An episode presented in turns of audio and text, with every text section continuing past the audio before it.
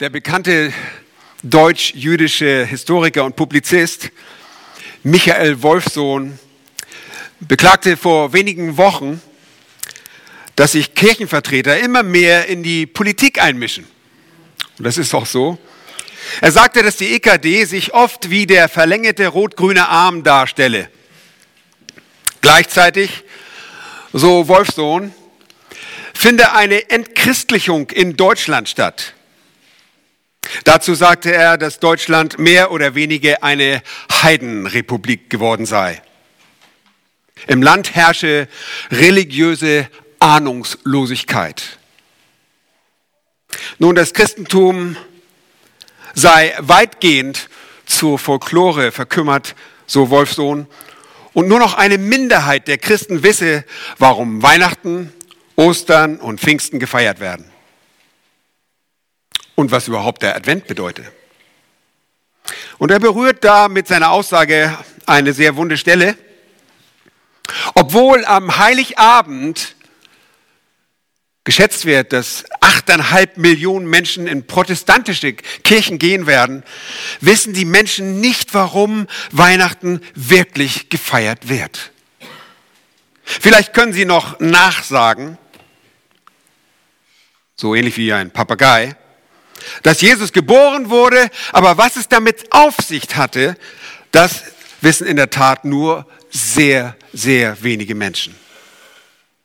Und dabei ist deine Auffassung von der Weihnachtsbotschaft der Bibel von allergrößter Bedeutung. Und das möchte ich heute Morgen zum Thema machen.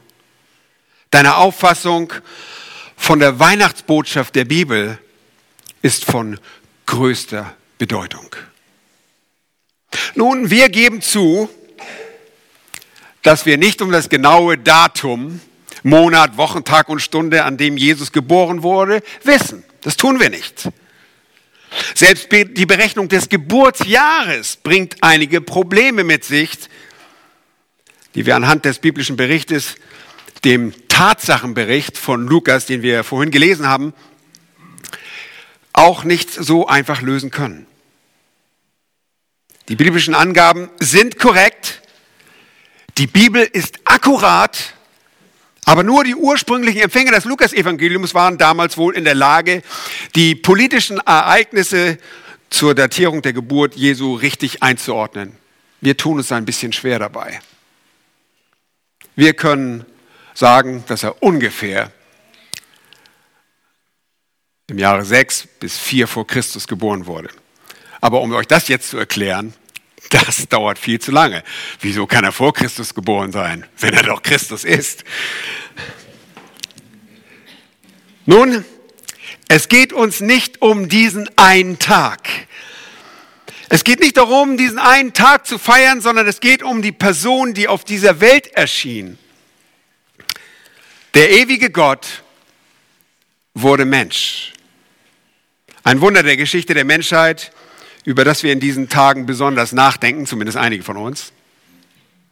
Der ewige Gott existierte von Ewigkeit her als Geist.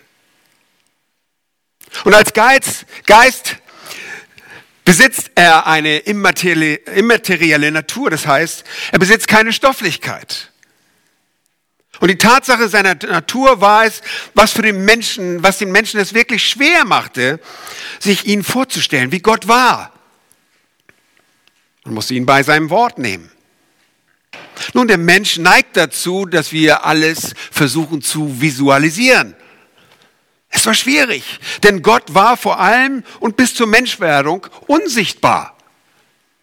Nun, hier und dort trat der Sohn Gottes in den sogenannten Christophanien des Alten Testaments als Engel des Herrn in menschlicher Gestalt auf, temporär und dem Volk Gottes wohlwollend. Aber Gott wird in der Schrift als der Unsichtbare genannt. Er wird als der Unsichtbare genannt. In Christus aber, und wir haben das gerade gesungen, wurde er uns zugänglich. Er war nahbar. Die Menschen konnten sich ihm nähern. Sie konnten ihn sogar betasten. Und er wurde ein wirklicher Mensch und blieb gleichzeitig immer auch Gott. Eine Zusammensetzung, die es nie wieder gab und nie wieder geben wird. Wahrer Mensch und wahrer Gott gleichzeitig. Theologen haben sich seit eh und je darüber Gedanken gemacht, wie das sein könnte. Er ist Gott. Er wurde Mensch. Ein wahrer Mensch. Und wir haben vorhin die Geschichte, den Tatsachenbericht. Und es ist ein Bericht, der nach vorsichtigem Recherchieren von Lukas zusammengestellt wurde. Gelesen, was tatsächlich geschehen ist. Gott wurde als ein Baby geboren. In einem Stall, in einer Krippe, in Bethlehem. Nun, ihr könnt euch denken, die Wahrheit, dass Gott Mensch wurde, und spricht übrigens von der Inkarnation oder Fleischwerdung Gottes. Diese Wahrheit wurde schon von Anbeginn der Geschichte, seitdem es geschah, bezweifelt. Diese Wahrheit wird heute natürlich noch mehr bezweifelt. Stell dir vor, ja, Gott wurde Mensch. Ja, alles klar, Gott wurde Mensch und wie er noch Mensch wurde. Das Matthäus-Evangelium berichtet sehr deutlich, dass eine Jungfrau durch den Heiligen Geist schwanger wurde. Ja, alles klar, ich weiß schon Bescheid. Dankeschön, Dankeschön. Geh mal zum Seelendoktor. So wird es heute bezweifelt. Die Zweifel darüber bestehen, weil zweierlei Mächte, zwei unterschiedliche Geister auf diese Erde wirken. Nun, zumindest zwei Lager. Es gibt viele falsche Geister und nur ein Geist Gottes, der diese Menschwerdung bezeugt. Im 1. Johannesbrief, Kapitel 4, den Versen 2 und 3 lesen wir, hieran erkennt ihr den Geist Gottes. Jeder Geist, und es gibt nur den Geist Gottes, der das bezeugt, der Jesus Christus im Fleisch gekommen bekennt, der ist aus Gott. Das ist der Heilige Geist, der bekennt, dass Jesus Christus aus Gott kommt, dass er Mensch wurde. Und jeder Geist, der nicht, heißt es dort, Jesus bekennt, ist nicht aus Gott. Und dies ist der Geist des Antichrist, von dem ihr gehört habt, dass er komme. Und jetzt ist er schon in der Welt.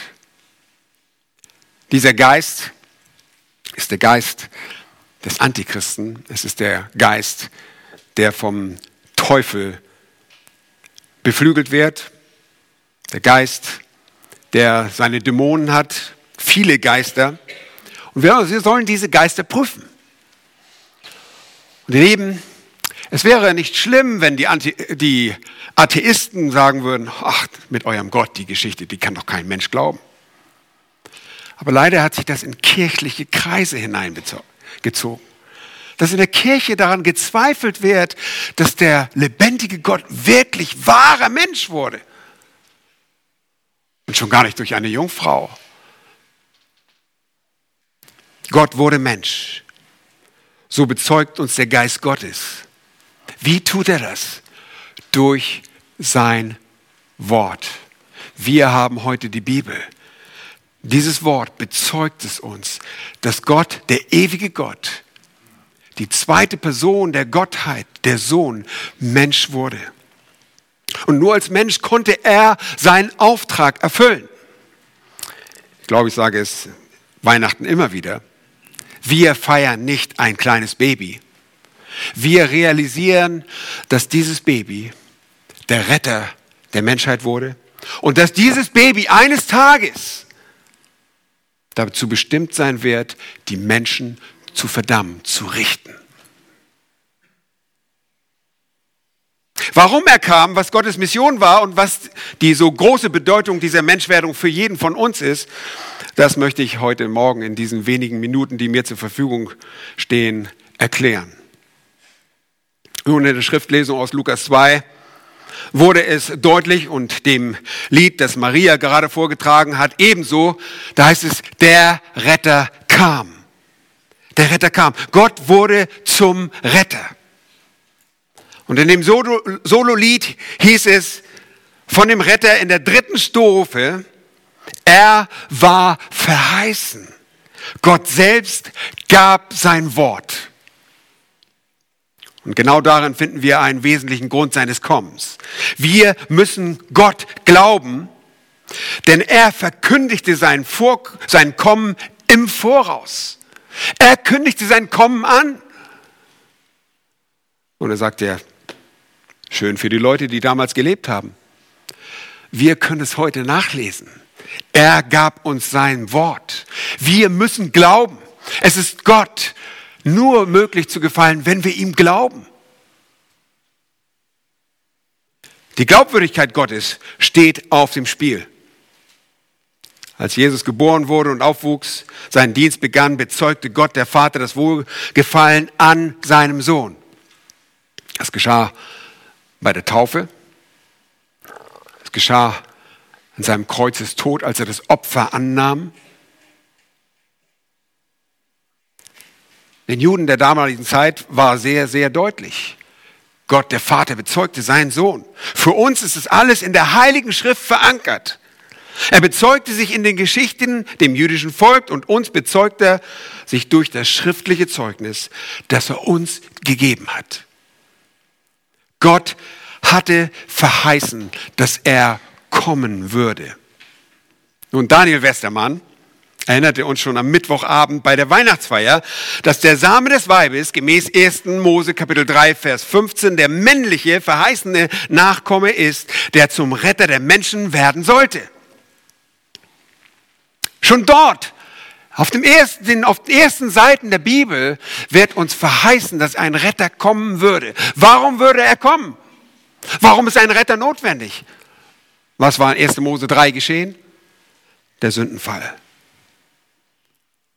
Der Sündenfall. Der Mensch hatte das Leben verwirkt. Die Bibel spricht davon, dass die Sünde, die in die Welt gekommen ist, was brachte den Tod? Der Römerbrief sagt es sehr deutlich, der Sünde Lohn ist der Tod. Lohn hat immer mit dem, was man verdient, zu tun. Wir haben den Tod verdient. Nicht nur den physischen Tod. Wir glauben nicht an eine, eine Annihilation, an eine Auslöschung des Menschen, der einfach wieder zu Staub wird sondern wir glauben an den ewigen Tod, an die ewige Trennung, das ewige Leben. Der Mensch ist geschaffen, um ewig zu leben, entweder in der Herrlichkeit bei Gott oder in der Gottesferne. Der Mensch hatte durch seine Sünde sein Leben verwirkt. Er war schuldig vor dem heiligen, gerechten Gott. Es entsprach dem Wesen und es entspricht dem Wesen Gottes, dass Sünde gestraft werden muss. So wie wir heute Gesetze haben und ein Richter dazu verpflichtet ist, nach dem Recht zu urteilen, so muss Gott Sünde strafen, weil es rechtmäßig ist, Sünder zu urteilen, verurteilen. Das ist gemäß der Gerechtigkeit Gottes. Viele Verheißungen, Prophezeiungen im Tanach, dem Alten Testament, kündigen den Retter, Jeshua, Jesus, was übrigens Retter heißt, den Christus auf diese oder auf eine ähnliche Weise an wie in 1. Mose Kapitel 3, Vers 15. So auch die bekannte Stelle aus Jesaja 7, Vers 14. Siehe, die Jungfrau wird schwanger werden und einen Sohn gebären und wird seinen Namen Immanuel nennen. Mehrfach im Alten Testament wird das Kommen Jesu angekündigt. Es war nur logisch, dass er kommen würde. Denn Gott ist ein Wort seines, äh, ein, eine Person seines Wortes. Andere Schriftstellen implizieren und setzen die Menschheit Gottes voraus. Hört nur einmal auf die Verse aus Sacharja, Kapitel 9, Vers 9 und Vers 10. Da heißt es, juble laut, Tochter Zion. Jauchze, Tochter Jerusalem. Siehe, dein König kommt zu dir. Gerecht und siegreich ist er demütig und auf einem Esel reitend. Und zwar auf einem Fohlen, einem Jungen der Eselin. Wer mit der Geschichte vertraut ist, der weiß, dass es genau so eingetroffen ist. Weiter heißt es in Vers 10, und ich rotte die Streitwagen aus Ephraim und die Pferde aus Jerusalem aus, und der Kriegsbogen wird ausgerottet und er verkündet Frieden den Nationen.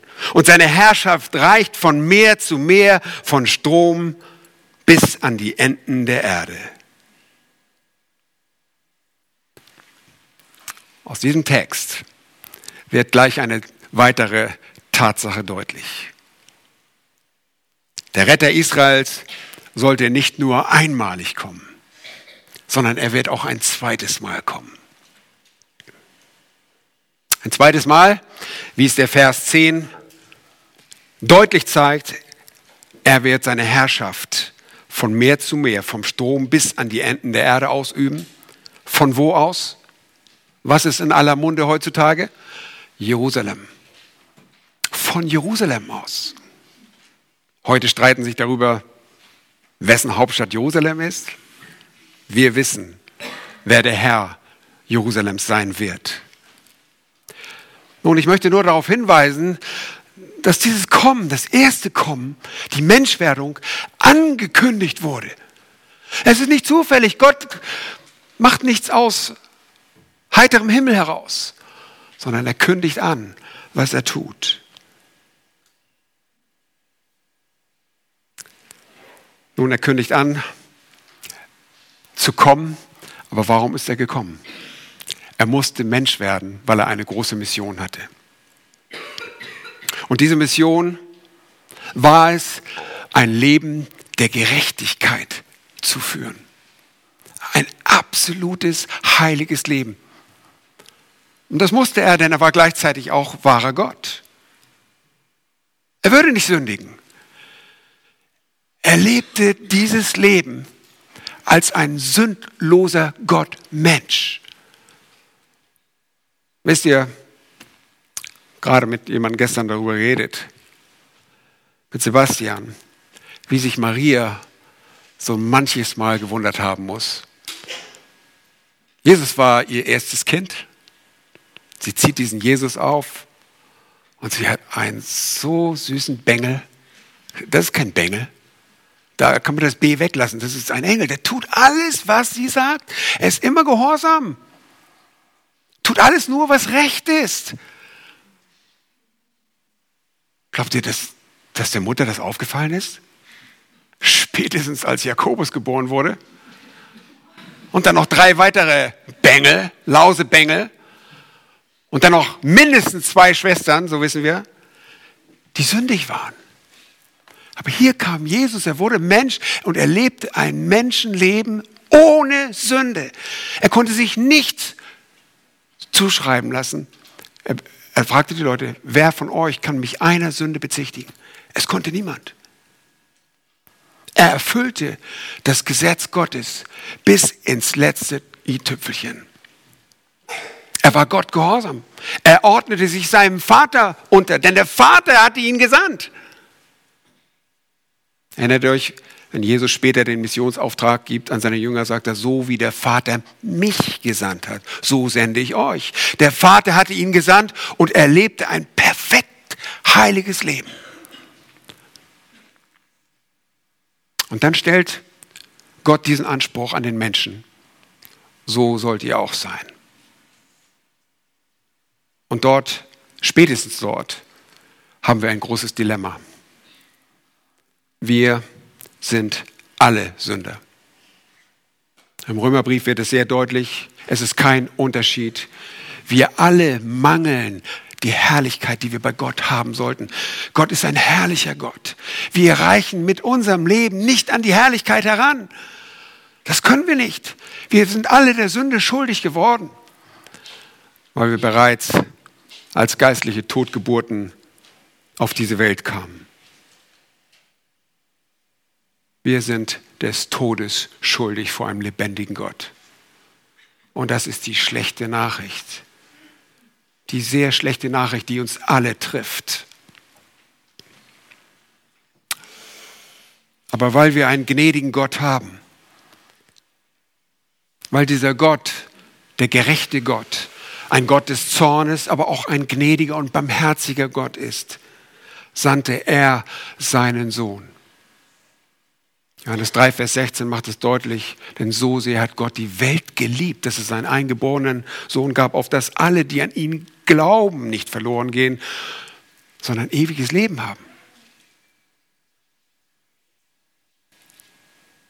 Er sandte seinen Sohn. Nun, toll. Was hilft es uns, seinen Sohn zu sehen? Können wir von seinem Sohn lernen? Auf jeden Fall. Wir können von Jesus Christus selbst lernen. Das war einer der Nebenzwecke, dass wir Jesus Christus sehen würden, wie er handelt. Wir können von ihm ein heiliges Leben lernen. Wir können le lernen, wie wir handeln sollen. Aber Jesus Christus kam, um zu sterben. Macht das Sinn? Der Sündelohn ist der Tod. Der Sünder verdient den Tod, aber nicht ein sündloses Geschöpf. Nein, er ist kein Geschöpf nicht ein sündloser Gott. Der sündlose Gott Mensch, Jesus Christus, starb. Warum? Warum musste er Mensch werden? Weil er als Gott nicht sterben konnte. Er musste Mensch werden, weil er sterben würde, und zwar am Kreuz, stellvertretend. Der Zorn Gottes traf ihm am Kreuz, während er am Kreuz hing.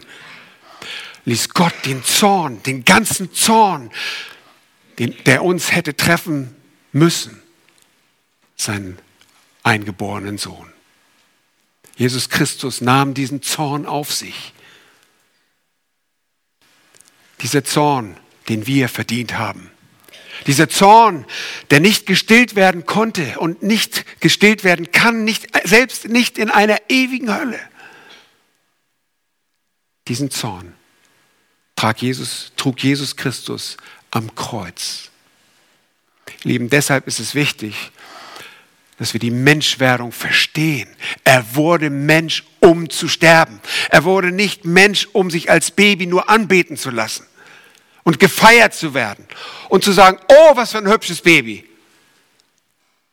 Nein, er wurde ein Opferlamm. So beschreibt es die Bibel weil im Alten Testament die Juden sehr wohl verstanden, dass Lämmer geopfert wurden, stellvertretend für die Sünden des Volkes. Jesus Christus wurde dieses makellose Opferlamm nicht nur für das Volk Israel, sondern darüber hinaus für jeden Menschen.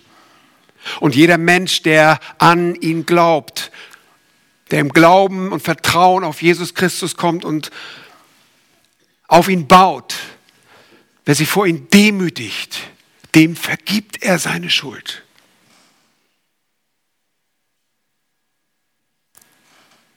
Nur so wird der Mensch eines Tages im Gericht vor Gott bestehen können.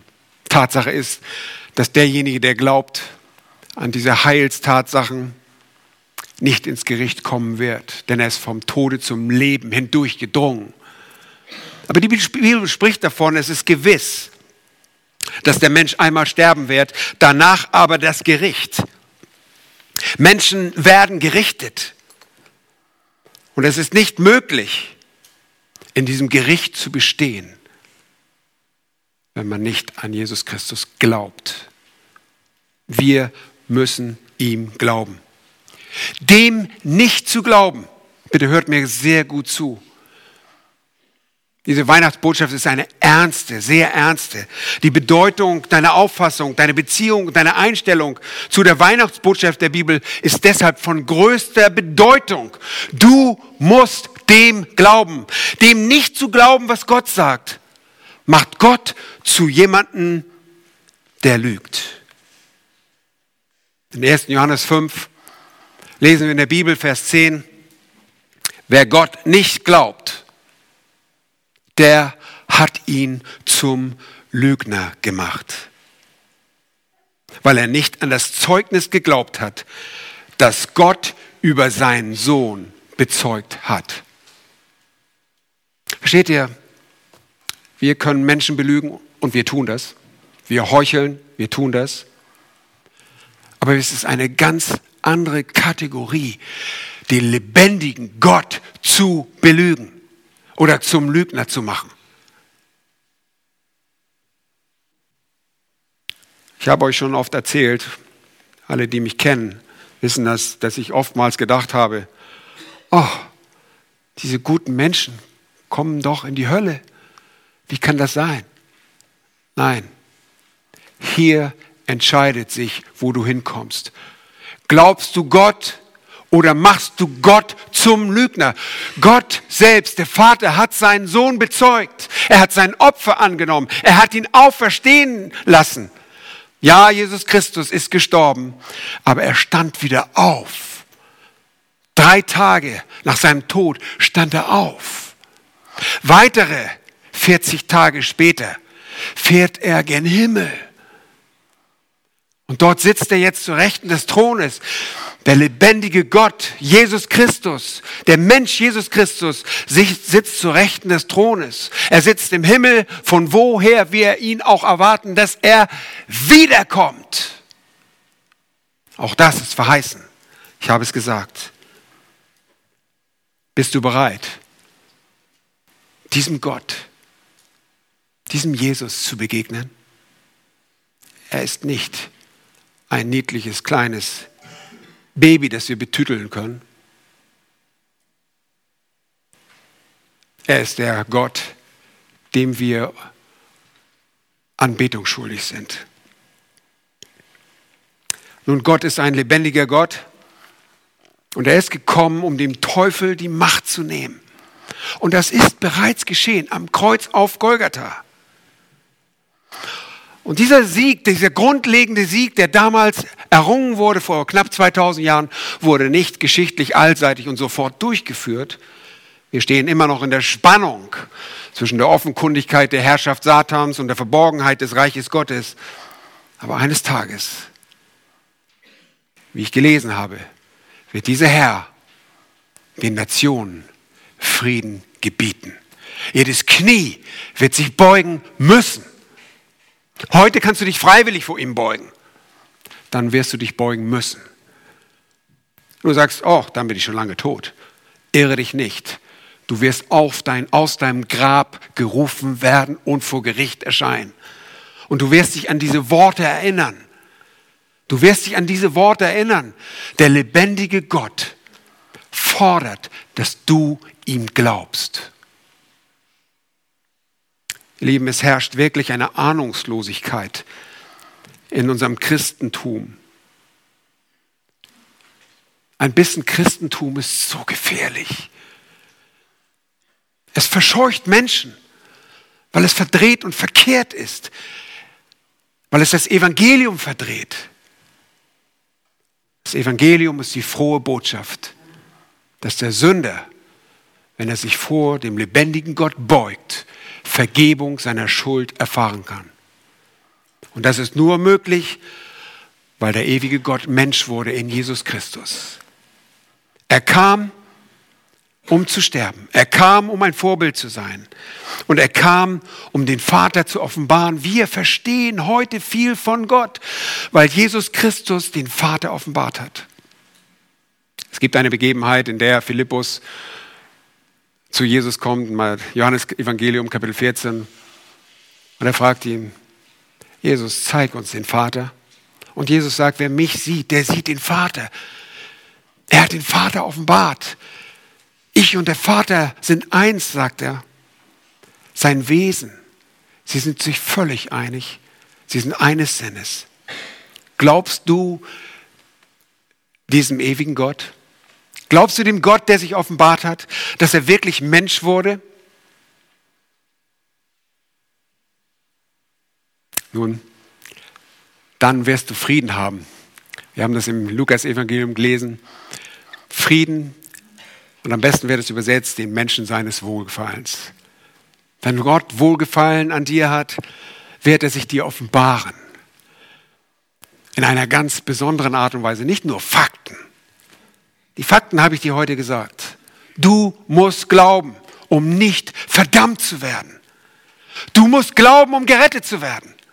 Du musst an den lebendigen Gott glauben, der für dich Mensch wurde, der hier auf diese Erde kam und starb. Nur aus Glauben allein und aus Gnade allein. Keine deiner Werke werden vor dem ewigen Gott Bestand haben. Du musst ihm glauben. Nur der bußfertige Sünder kann gerettet werden. Deshalb musste Jesus kommen. Jesus kam, er kam, um zu dienen. Und das Markus-Evangelium drückt es sehr deutlich aus. Der Sohn des Menschen, und so bezeichnet sich Jesus auch selbst gerne, ist nicht gekommen, um bedient zu werden, sagt er, sondern um zu dienen und sein Leben zu geben als Lösegeld für viele. Möge der Herr Gnade schenken, dass du gelöst wirst, dass du freigekauft wirst. Und dieses Lösegeld wird nicht an den Teufel bezahlt, sondern dieses Lösegeld war Genugtuung für den Vater, den ewigen Gott, der seinen ewigen Ratschluss gefasst hat und er tut es zu seiner Ehre. Lieben, was geschieht mit Menschen, die zu Jesus Christus kommen, die Buße tun? Sie werden für ihn leben. Sie werden ein heiliges Leben führen. Leider nicht durchgehend. Wir sind immer noch schuldig vor Gott. Aber auch dafür kam Jesus, um ein treuer hoher Priester zu werden. Er verwendet sich für uns als gewissermaßen Anwalt und Advokat zur Rechten des Thrones, tritt für uns ein. Das erste Johannesevangelium, der erste Johannesbrief macht es uns sehr deutlich in Kapitel 2, dass Jesus Christus für uns eintritt, für unsere Schuld, für unsere Versagen. Er bezahlte deshalb das Lösegeld er hat uns frei gekauft für sich selbst. Wir sollen für ihn leben. Und deshalb lebte er, der Herr Jesus Christus, als Mensch uns auch ein Leben vor, das es wert ist, nachzueifern. Wir sind es schuldig, sagt es Johannes, der Johannesbrief. Wir sind es schuldig zu leben, wie er gelebt hat. Vielleicht habt ihr so nie über die Weihnachtsbotschaft nachgedacht. Er musste Mensch werden, um zu retten. Lest bitte die Bibel. Glaubt der Bibel, glaubt seinem Zeugnis. Macht Gott nicht zum Lügner. Möge der Herr Gnade schenken. Amen. Lass uns doch beten.